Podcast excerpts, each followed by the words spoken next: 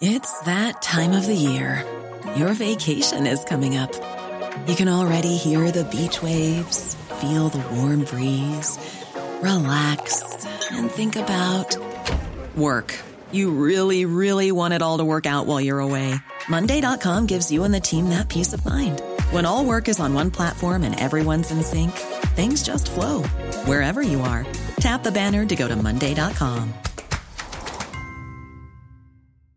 Quality sleep is essential. That's why the Sleep Number Smart Bed is designed for your ever evolving sleep needs. Need a bed that's firmer or softer on either side? Helps you sleep at a comfortable temperature? Sleep Number Smart Beds let you individualize your comfort so you sleep better together. JD Power ranks Sleep Number number 1 in customer satisfaction with mattresses purchased in-store. And now save 40% on the Sleep Number limited edition Smart Bed for a limited time. For JD Power 2023 award information, visit jdpower.com/awards. Only at Sleep Number stores or sleepnumber.com.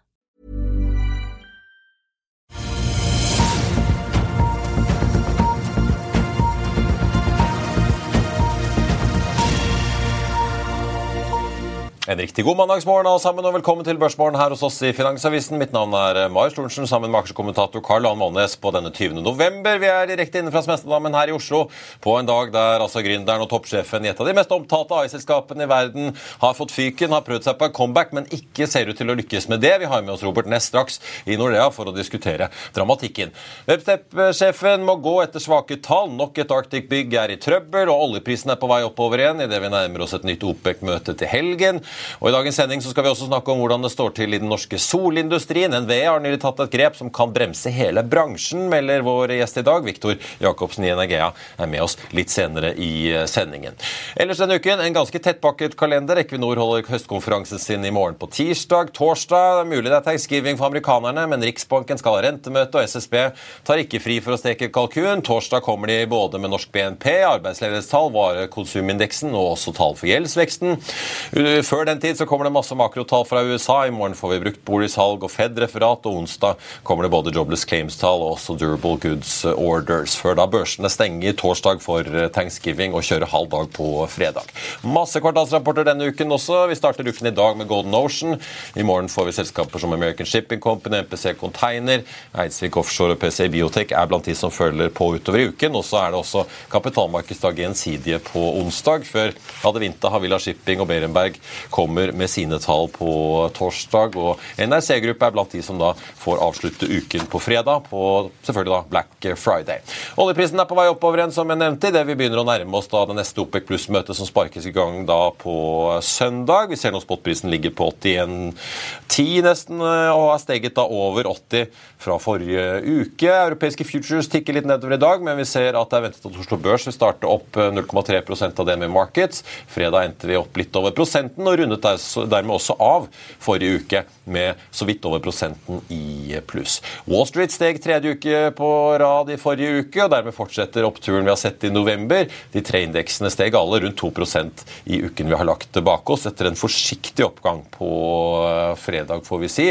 For øvrig, Gap stengte opp 30 eh, på bedre enn ventede tall fredag. ChargePoint, dette ladeselskapet, endte ned 35% etter både varsler om endringer i ledelsen og også kutt i guidingen med en tregere opptakt i uh, ladeinntekter enn ventet, ikke bare i USA, men også globalt, som de meldte om. I Asia i dag litt blandet. Nikkei er litt ned, mens de andre indeksene peker oppover. Og Så nevnte jeg jo oljeprisen som er på vei opp. Det har kommet melding om at Kuwaits oljeselskap Kufpek selger sine eierandeler på norsk sokkel til polsk Pignig for nesten 500 millioner dollar. Før vi snakker AI, så må jeg også bare nevne litt andre nyheter som er verdt å få med seg før vi sparker i gang en ny uke. På næringseiendomsfronten så fortsetter Arctic Securities-prosjektene å slite. Meglerhuset har nå måttet bistå i å hente inn 125 millioner kroner til i ny egenkapital for å refinansiere gjelden i et kontorbygg på Helsfyr. Vi har jo tidligere snakket om kontorbyggene til Equinor på Fornebu og Storebrand på Lysaker. Ellers ting du kan ha gått glipp av siden fredag. Statkraft annonserte fredag kveld at de kjøper spanske Enerfin, et energiselskap for 1,8 milliarder euro. Lørdag kom Volue til Arendal Fosse Kompani med en melding om at de ikke klarer årets guiding, grunnen til at de tapte en sak i voldgiftsretten i Oslo. Om hvordan de er opptrådt på vegne av en kunde i det finansielle markedet. De regner da med å måtte ta en kost i fjerde kvartal på mellom 24 og 44 millioner kroner. Søndag kom meldingen fra Webstep, får vi si. Det er jo den eneste Disney-sagaen om at da sjefen der, Same Asmervik, må gå på dagen. Styreleder Kjetil Bakke-Eriksen, som har vært sjef tidligere, gjør et comeback i sjefsstolen, i hvert fall inntil videre, og slutter som styreleder. Selskapet viser til at endrede markedsforhold og sitat, finansielle resultater som ikke er tilfredsstillende, gjør at styret mener det er behov for en endring i eh, toppen. Det har også vært eh, valg i Argentina, der det ser ut som eh, opposisjonspolitikeren Javier Milei altså vant valget til slutt. Han har lovet å dollafisere økonomien, så får vi se om han klarer det, og kutte budsjettutgiftene.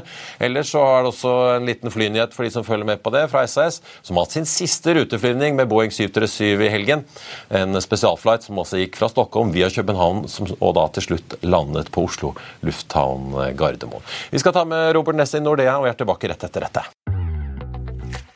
Vil du bli oppdatert på det viktigste som har skjedd innen finans og næringsliv? Da er det bare å følge med, for hver morgen er jeg, Marius Lorentzen og aksjekommentator Karl Johan Malnes på plass i studio for å ta tempen på dagens marked i Børsmorgen. Og hver ettermiddag oppsummerer vi alt du trenger å vite i økonominyhetene, og det blir selvfølgelig masse interessante gjester. Klikk deg inn på fa.no-tv, eller søk opp Børsmorgen og Økonominyhetene der du hører på podkast. Hiring for your small business? If you're not looking for professionals on LinkedIn, you're looking in the wrong place. That's like looking for your car keys in a fish tank. LinkedIn helps you hire professionals you can't find anywhere else, even those who aren't actively searching for a new job but might be open to the perfect role. In a given month, over 70% of LinkedIn users don't even visit other leading job sites. So start looking in the right place. With LinkedIn, you can hire professionals like a professional. Post your free job on linkedin.com slash people today. I'll see you in court. Vi sier det ofte litt på spøk, men for deg som driver business, er det aldri moro å innse at du ikke har laget en 100% gyldig kontrakt. Du bør ikke risikere hele firmaet ditt fordi du synes dette med kontrakter er litt stress. En avtale er ikke en avtale.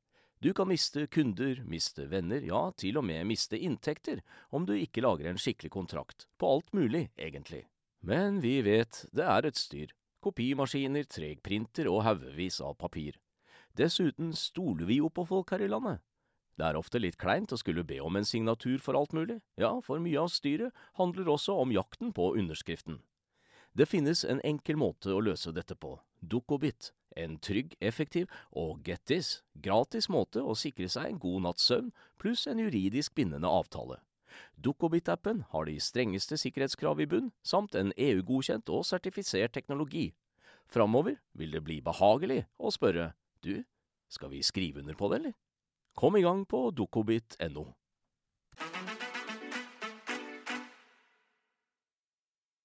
Dramatikken er til å ta og føle på, ikke bare i Silicon Valley, men også på Wall Street, får vi si. Det Beskjeden altså kom på fredag om at sjefen i OpenAI, Sam Altman, ble sparket, og at medgründer og styreleder Greg Brochman også trakk seg, selv om han altså ble tilbudt om å bli med videre som teknologidirektør. Gjennom helgen så har det utspilt seg det nesten som kan virke som en slags motkupp, men den siste meldingen nå er at det ikke ser ut til at Sam Altman får bli i sjefsjobben, Robert Ness, investeringsdirektør i Nordea. Her har rapportene fløyet nyhet om at Microsoft-sjef eh, Satya Nadella, som jo kontrollerer 49% av dette AI-selskapet, har vært involvert, og presset er på fra store investorer. Hva er det egentlig som eh, skjer på toppen av dette? Kanskje vi skal begynne med OpenAI først, da, du som følger denne sektoren. Hvor viktig og hvor stort er OpenAI i den AI-boomen som vi har sett i år? Nei, så klart OpenAI er den fremste. Sånn de kom fra akkurat et år siden med, med ChatGPT, og det revolusjonerte egentlig verden. Sant? Og Det har bidratt til at aksjemarkedene har steget så mye som de har gjort i år. Og Selskapet er lite målt i antall ansatte. For et år siden var det 300 ansatte. I dag er det flere, men jeg har ikke sagt hvor mange de er. Men så likevel har de fått en verdsettelse for et par uker siden. Da sa Sam Altman sjøl selskapet er verdt 86 milliarder dollar. Det er tre ganger størrelsen til DNB. Så dette er personbusiness. Fordi at de har flinke folk der, de lykkes med noe så har du fått en sånn enorm verdsettelse. Ekstremt sjelden du ser det. Så selvfølgelig, når du har så suksessfullt team, så bra produkt, at du da kaster sjefen sant? Det, altså det, det virker uforståelig for de aller, aller fleste. Og Microsoft kjøpte seg inn altså 49% for 13 milliarder eh, dollar. Nå er det en Mira Murati som inntil videre hvert fall har tatt over. 34-åring som har jobbet i Tesla. Men har vi fått noe klarhet i hvorfor egentlig Altman eh, ble sparket? Egentlig ikke. Altså, det gikk litt sånn rykter om personlige ting en sak tilbake ved et par år siden, men mye tyder på at det absolutt ikke er tilfellet. Så um, det er nok mer sånn uenighet. For hvis vi ser på styret til, til, selskapet, så består det av tre eksterne investorer. Én person, Ilya eh, Sutskevar, som jobber for Semeltmen. Og han og Semeltmen har hatt en feide i det siste. Så det som skjedde, var når de tok hun eh Mira Murati som skjer på fredag. Så i løpet av helgen så forhandlet hun med Semeltmen og Greg Bockman så de ble faktisk lørdag kveld sendte hjertet til hverandre på Twitter. Nå er vi enige, nå kommer dere tilbake igjen. Og så kaster vi styret. Men så i natt så var det helt, eh, helt snudd. Styret ville ikke gi seg. Og det er en virkelig sterk person i styret. Og det er han Ilya, som er forskningssjef. Så han har ikke villet gitt seg, så han har ansatt en ny. Han har ansatt en som er sjef i selskapet som heter Twitch. Han gikk av der for et halvt år siden. Og han tilhører den delen som er, som er redd for AI. Som er mer sånn Her må vi roe ned dette er mye farer med. Så, så, så, så det, dette tyder jo egentlig på at nå får du et selskap i oppløsning. Sant? når du er ledende på AI, og så overtar han forskningssjefen som eh, har bedt dem å holde litt igjen, de ansetter en som egentlig jobber for å motvirke AI, så ser jo ikke det bra ut. Og klart Microsoft og Tiger og de store aksjonærene de, de syns jo dette er meningsløst. Så de har jobbet mot styret. Men så har du sånn struktur om at selv om dette er et økonomisk sett selskap skal, skal tjene penger, så har de sånn non-profit-selskap som egentlig tar den formelle makten. Så selv om de har spyttet inn 10-13 milliarder dollar i alt Microsoft, det var planer å selge utover en verdsettelse på 86 milliarder, så har eieren faktisk ingen, ingen makt. Men det har, skjedd, det har skjedd ganske mye Robert, bare de siste dagene. Altså, de hadde jo den utviklerkonferansen hvor de viste øh, hvis jeg har forstått det riktig, da, altså på en måte funksjonen i ChatGPT4 Turbo. Uh, og så 15.11 melder de at uh, Altman da, at de har sluttet å ta inn nye brukere grunnet pågangen, at de ikke har kapasitet til å ta unna her.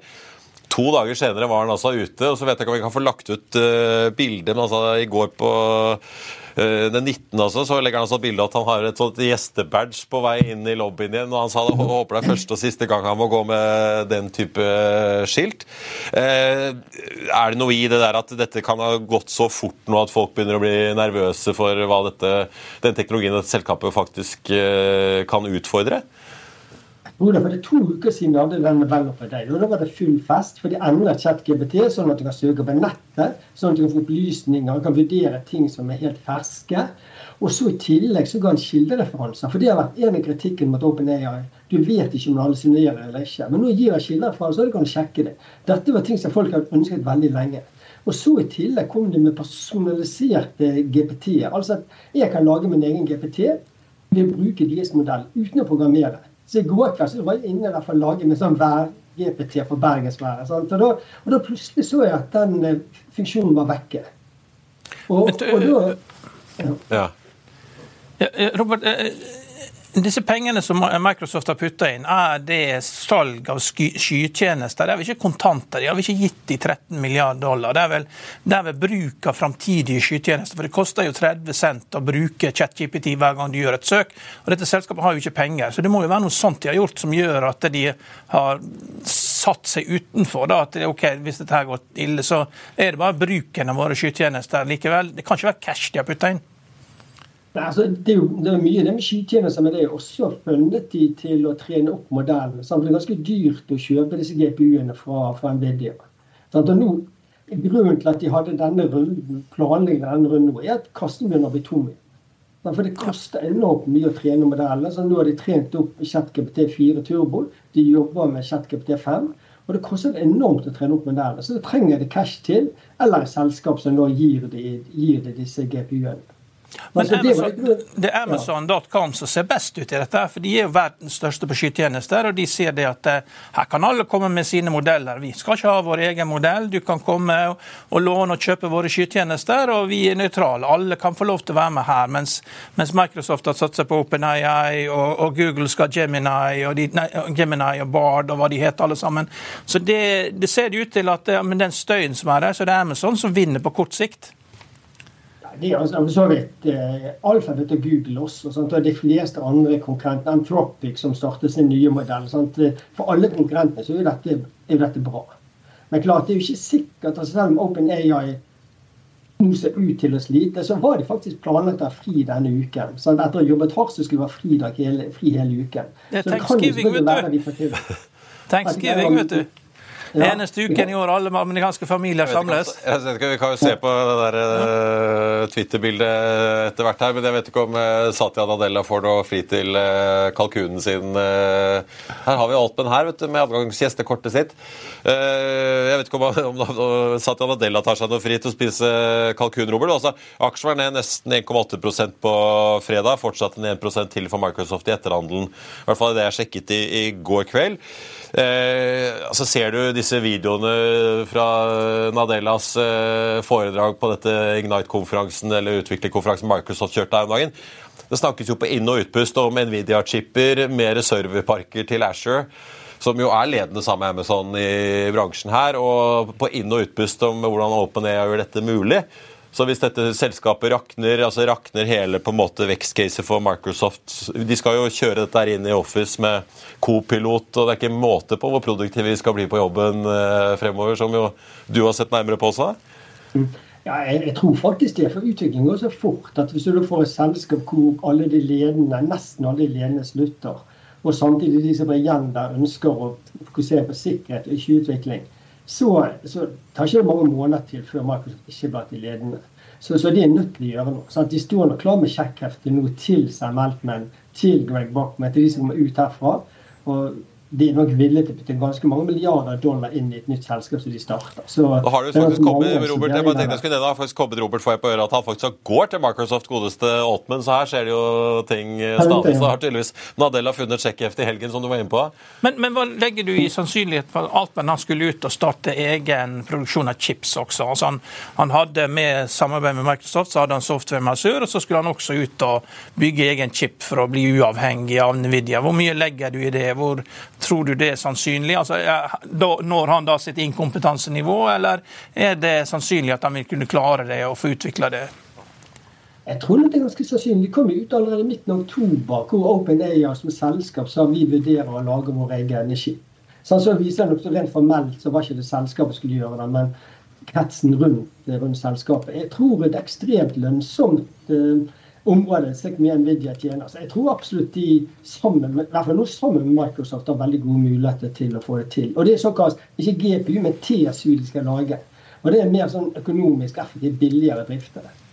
Så OpenAI, det blir navneendring der da, til Closed AI?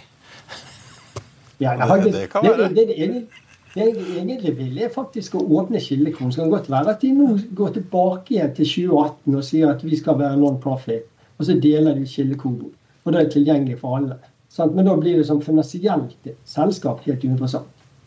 Men er det jeg bare tenkte, er det sånn at uh, Nvidias opp, fantastiske opptur, som jo har drevet opp oljefondet og alle mulige uh, indekser uh, i år, er liksom deres oppgang liksom plutselig fare når man ser hvor fort liksom, eller hvor skjørt dette er, da, gitt at det er såpass få selskaper som driver denne voldsomme utviklingen frem, og dermed også kursoppgangen? Ja, Det er nok et interessant spørsmål. Det kan nok være det at det skaper litt mer usikkerhet om hvor sterk denne AI-bølgen er. Ja.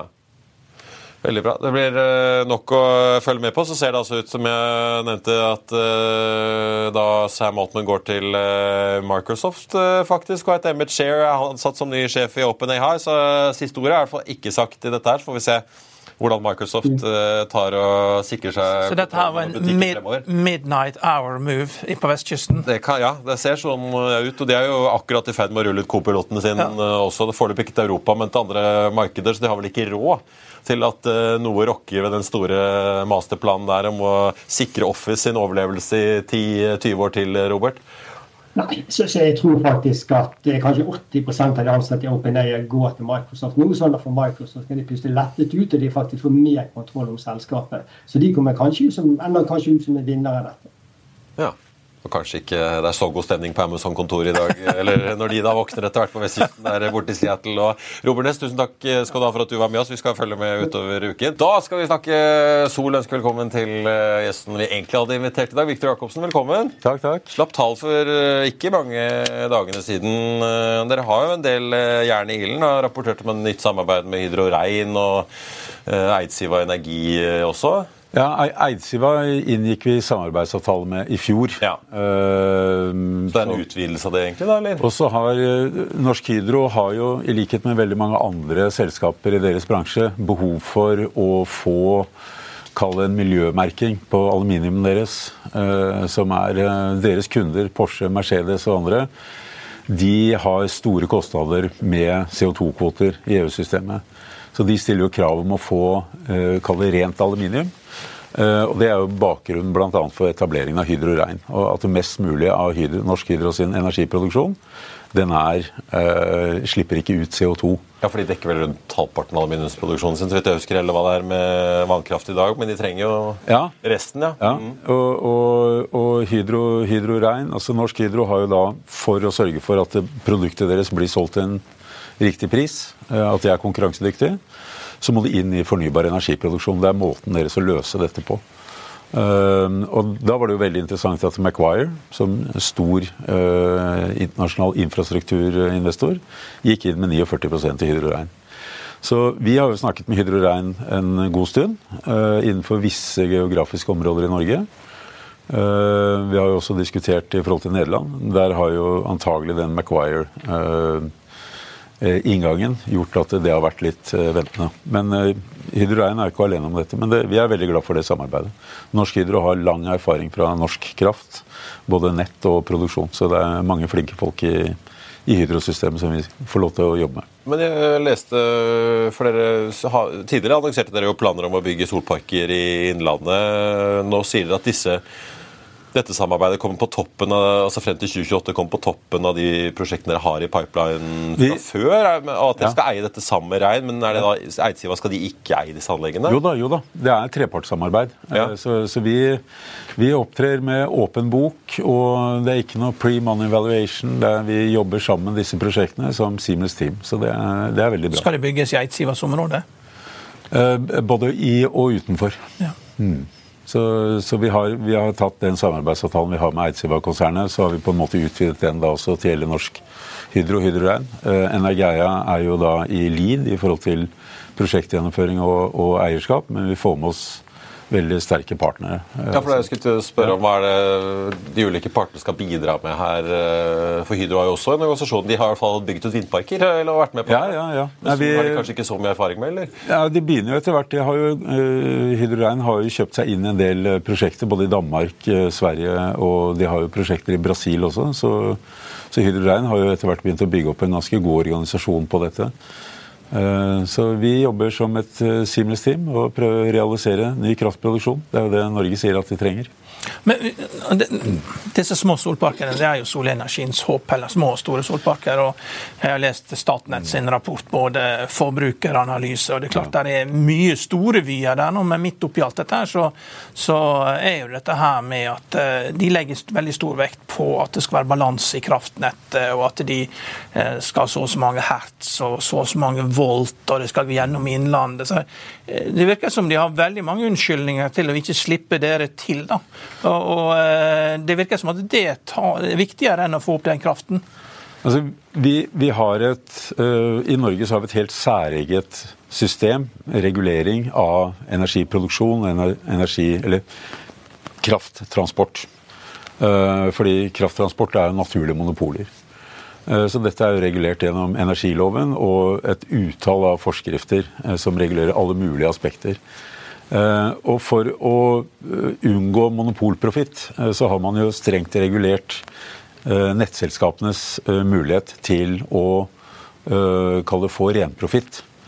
Det gjør jo at nettselskapene i utgangspunktet er reaktive og ikke proaktive i forhold til nettutbygging. Så nå, nå produserer vi rundt 160 TWh med strøm i Norge. I 2022 så utvidet vi utvekslingskapasiteten med utlandet, altså England, Tyskland, Nederland, Danmark, eh, fra rundt 25 TWh til nå 78 TWh. Eh, men hvis du skal elektrifisere Norge, eh, som da er Stortingets relativt samlede vedtak, da fikk vi jo denne NOU-en nå i begynnelsen av året som sier 40 TWh økt elektrisitet. Så må du bygge ut nettet til å kunne gå håndtere fra 160 TWh til 200 TWh. Og det tar jo tid. Det er et lite land, langstrakt, eh, få mennesker, mye lange linjer.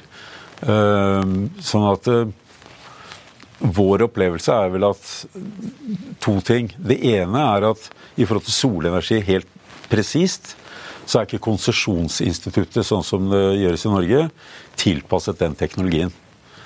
Eh, det er det ene. Det andre er at eh, å endre, kall det regulering, hvordan man gir konsesjon osv., det tar tid.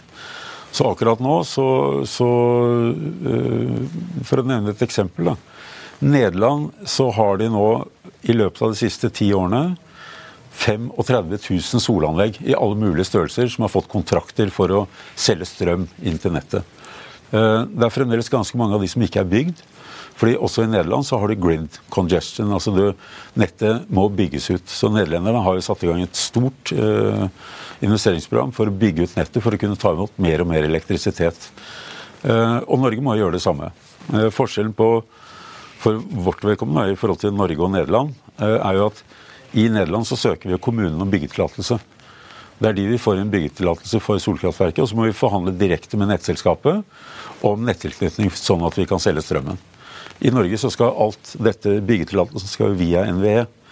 Og det er klart at eh, skal du da bygge eh, Hvis du ser Nederland, altså har de i løpet av ti år bygd ca. 19 000 kraftverk som ville være konsesjonspliktige i Norge.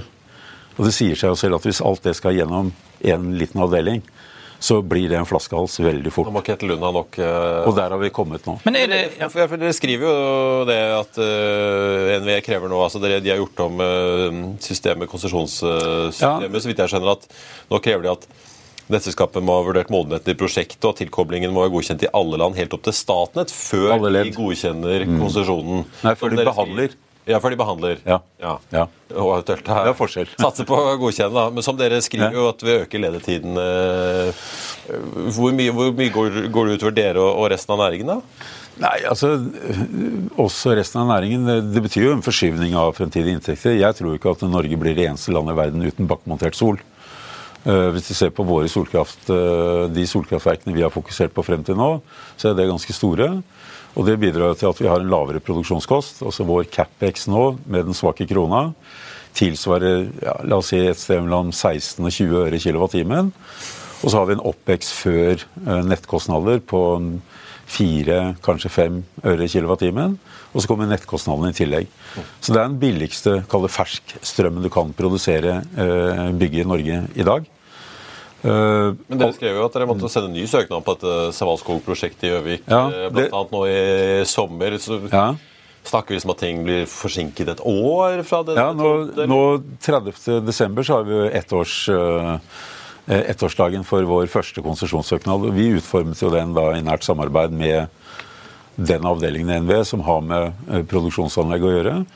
Men jeg tror vel at NVE så at Altså, NVEs argument er jo at de ønsker ikke å, å, bruke knappe ressurser på prosjekter som ikke blir noe av.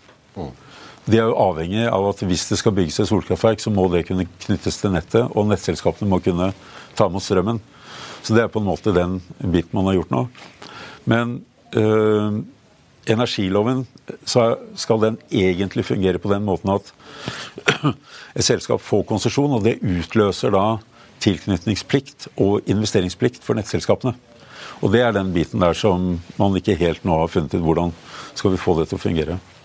Vi opplever at nettselskapene som vi er i dialog med, og inklusive, Statnett, de hiver seg rundt nå for å prøve å få til en prosess og en prosedyre som er fornuftig. Men det blir, noe, det blir ikke noe, mer kraft med mindre vi bygger ut nett.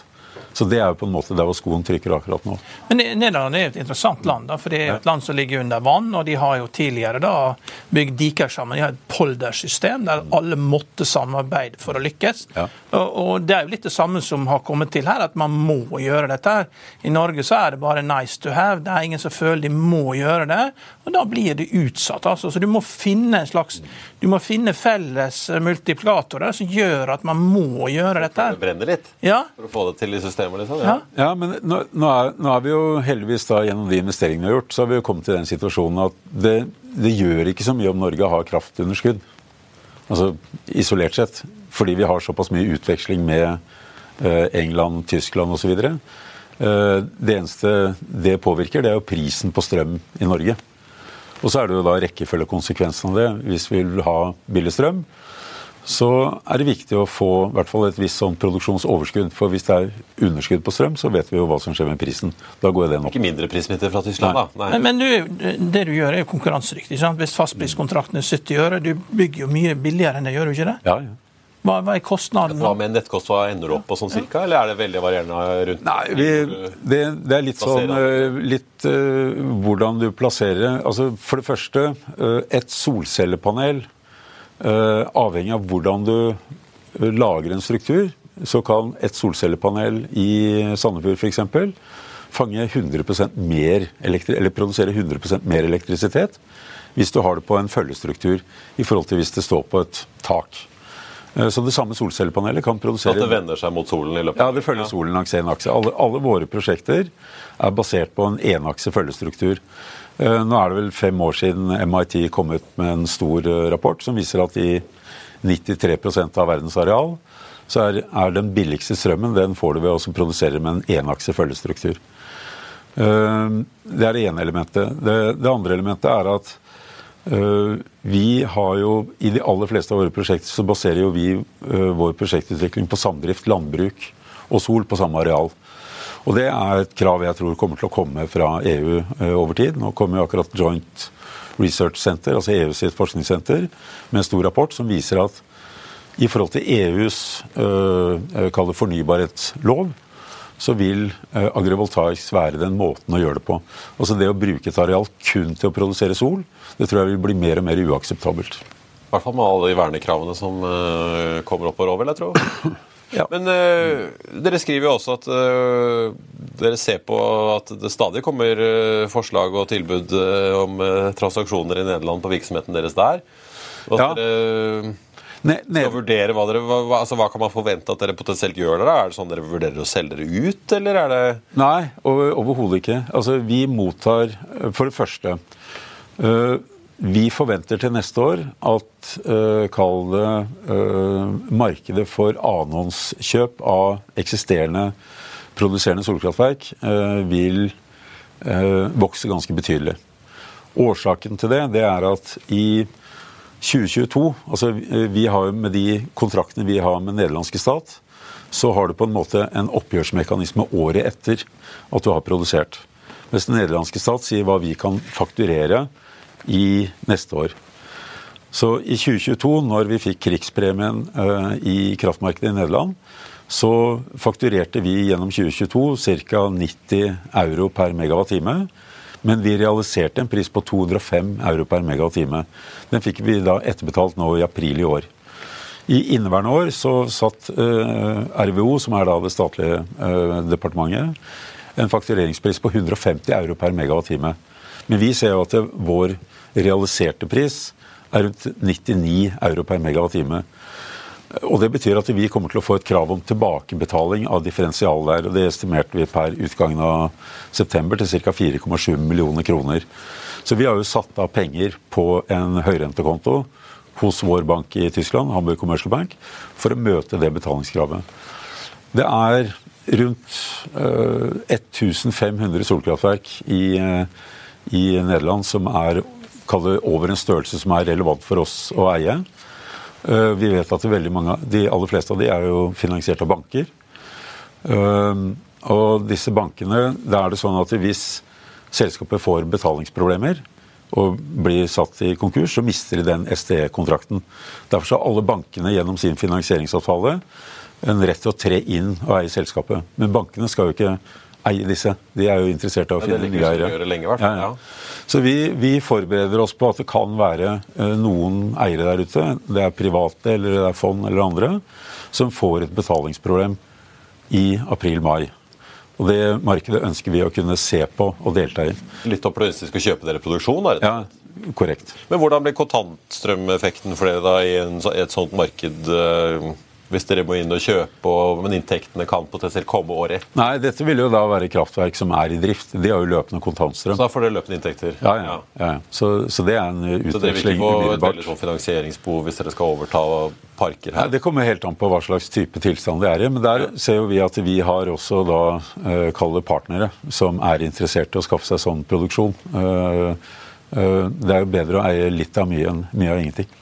Er det giringen som knekker i dag? Er det for, for, Ja. vært for høyt belånt? Ja. Gjelder det alle solparker? At det er for mye belåning? Nei, det, det, jeg, jeg har skrevet i den investorpresentasjonen som vi publiserte her eh, mandag for en uke siden, at det er liksom to regler som gjelder i det markedet vi opererer i. og Det er at du, du må sørge for at giringen din eh, er i samsvar med den kontantstrømmen du har, også hensyntatt f.eks. det som da skjer i år. Da, at det, situasjonen fra 2022 den blir reversert til 2023.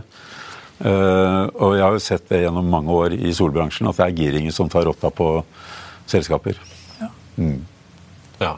Og virksomheten dere, men eh, for ellers eh, Hvordan liksom vil selskapet se ut fremover nå, da? Dere driver jo også disse parkene for EM Solar i Italia. Ja, EM Solar er jo masse i Norge. Har dere kapasitet til å holde på med alt dette samtidig? Eller? Ja da, med våre partnere så har vi kapasitet til det. Ja. Vi har jo økt eh, staben i Norge. altså Nå er vi 61 mennesker i butikken vår, de fleste i Nederland.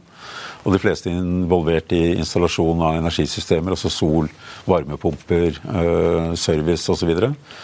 Uh, I Norge så har vi jo da økt bemanningen noe i forhold til det å jobbe med selve prosjektutvikling og konsesjonssøknad. Og Eidsiva har jo også en del mennesker ansatt som også jobber da direkte med oss som Siemens Team.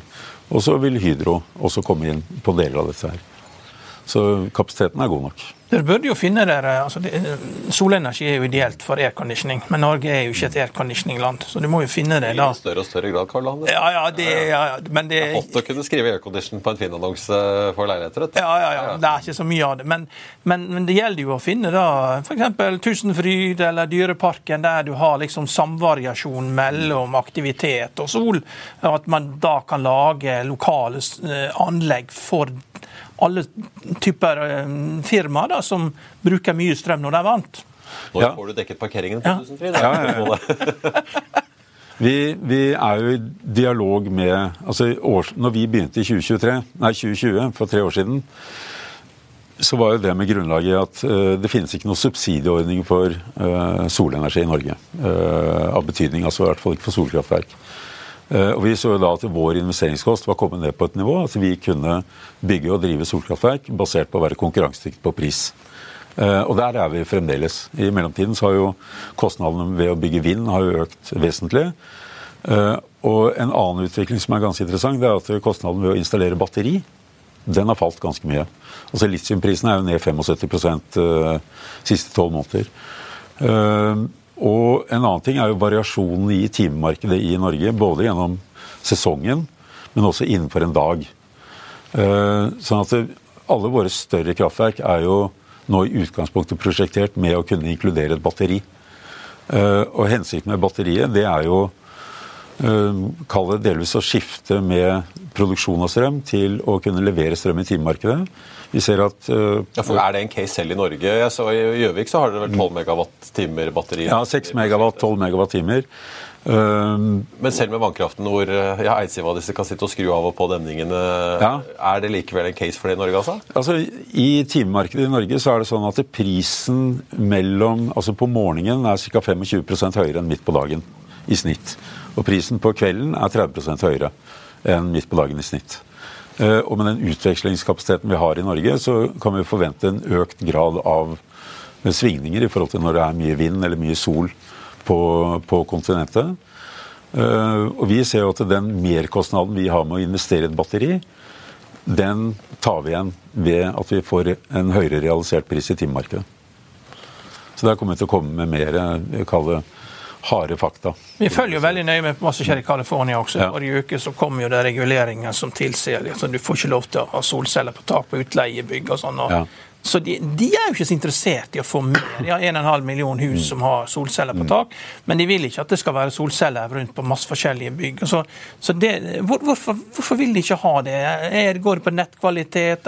Det, hva, hva, hva er det som gjør det? Jeg, jeg kan ta Nederland, hvor Ja. vi er operative. Ja. Ja. Vi har jo også 8000 egne kunder på serviceavtaler, og så håndterer vi nå 2000 kunder for det nest største energiselskapet i Nederland, Eneco.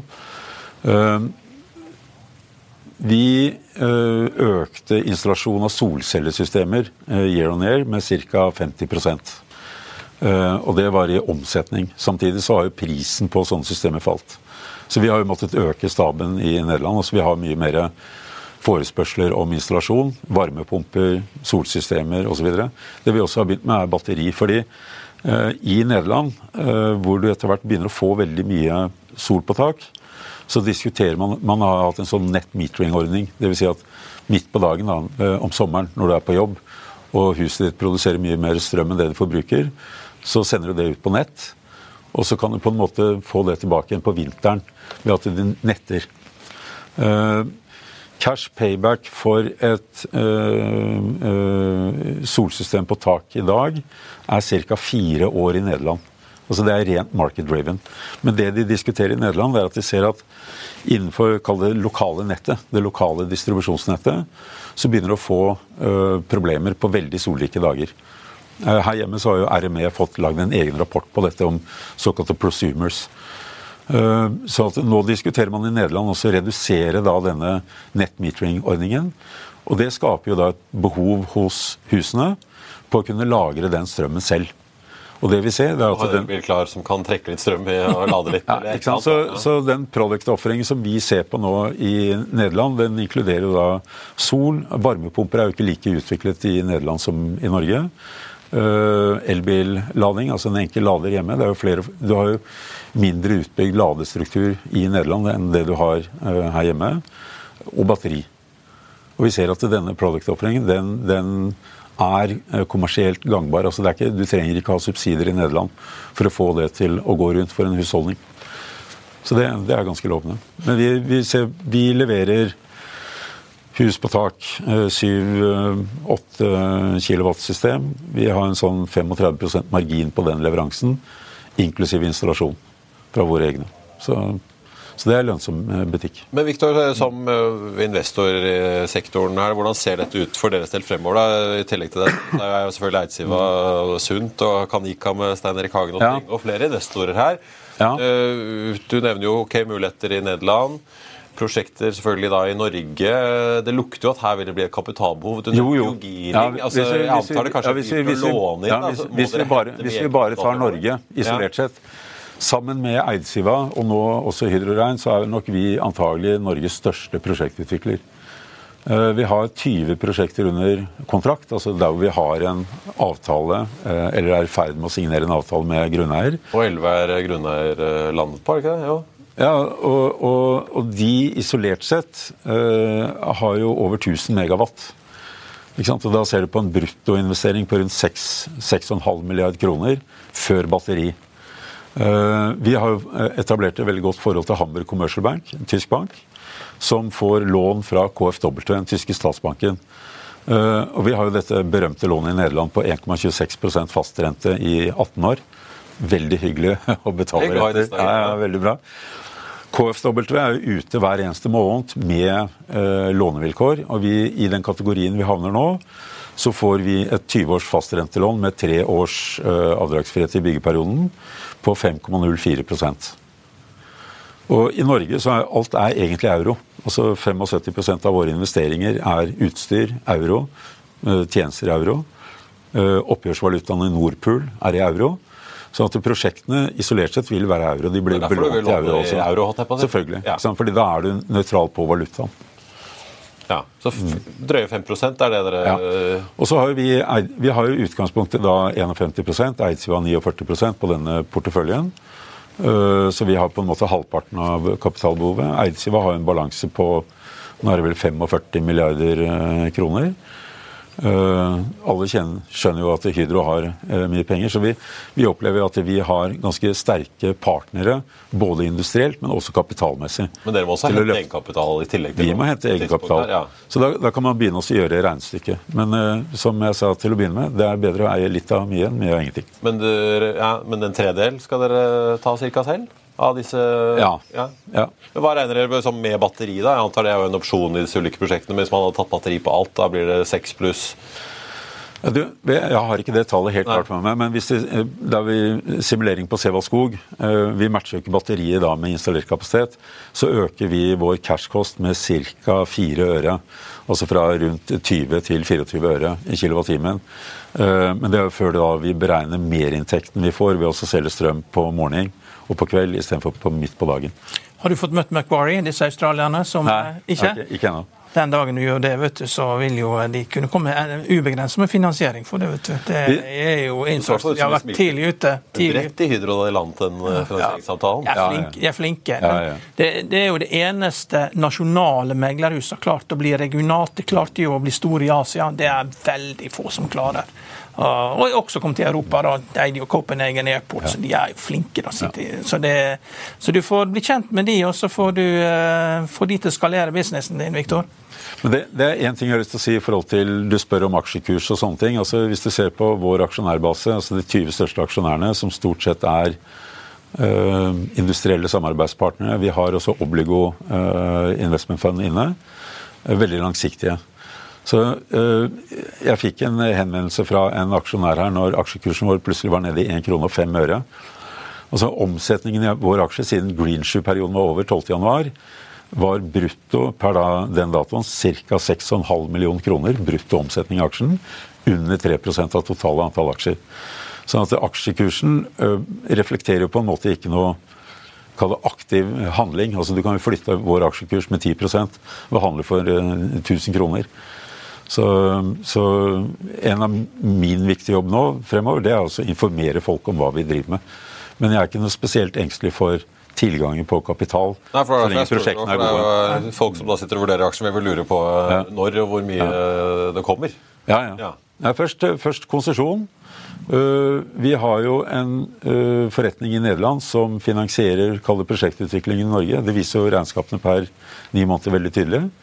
Ehm, eh, jeg tror nok at både NVE og nettselskapene nå, sånn som vi opplever at de jobber, så kommer de til å hive seg rundt med å prøve å få til eh, realisasjon av prosjektene. Men det er klart, nett i Norge, der har Statnett og Hilde Tonne og hennes team de har en stor oppgave nå med å sørge for at vi kan faktisk begynne å konsumere mer enn de 140-150 TWh, opp til 200, som er da stortingsvedtaket. Så skal vi følge med om Ketil Lund i NVE i grønt lys til dere på Anta. Kanskje på nyåret at det kanskje kommer en melding om en visjon for å sette i gang uh, utbygging på Gjøvik i første omgang. Viktor Jacobsen i Energea, tusen takk for at du kom til oss. På tappen av sendingen tenkte jeg bare å si at det ser ut som Infront har litt problemer i dag, så noe særlig børskurs har vi ikke fått, men hovedindeksen på Oslo Børs starter i hvert fall opp en drøye halvprosenten fra start. Par analytikeroppdateringer eh, på tampen. Danske Bank løfter kursmålet på Sepsi 7 med en tikroning til 180 nå. Gjenta kjøpsanbefalingen der. Den endte jo da på fredag på 140 47,50. DNB Markets gikk opp med en 20-kroning til 200. Og så har Carnegie eh, startet dekning av Frontline med en kjøpsanbefaling og kursmål 300. Der endte aksjen på fredag på 2,37. Det var børsmålet for denne mandag 20. november. Skal få med deg Økonominyhetene 14.30. Da får vi med oss Trygve Hegnar. I mellomtiden så får du siste nytt på FA1 og gjennom hele dagen. Ha en riktig god mandag alle sammen. Vi ses.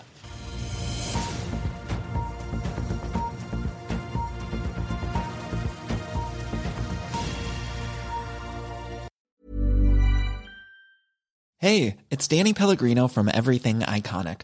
Ready to upgrade your style game without blowing your budget? Check out Quince. They've got all the good stuff shirts and polos, activewear, and fine leather goods, all at 50 to 80% less than other high end brands. And the best part? They're all about safe, ethical, and responsible manufacturing. Get that luxury vibe without the luxury price tag. Hit up quince.com slash upgrade for free shipping and 365 day returns on your next order. That's quince.com slash upgrade.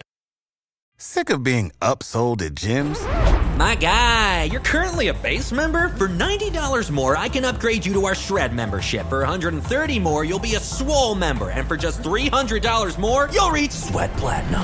At Planet Fitness, you'll get energy without the upsell. Never pushy, always free fitness training and equipment for every workout. It's fitness that fits your budget. Join Planet Fitness for just $1 down and $10 a month. Cancel anytime. Deal ends Friday, May 10th. See Home Club for details.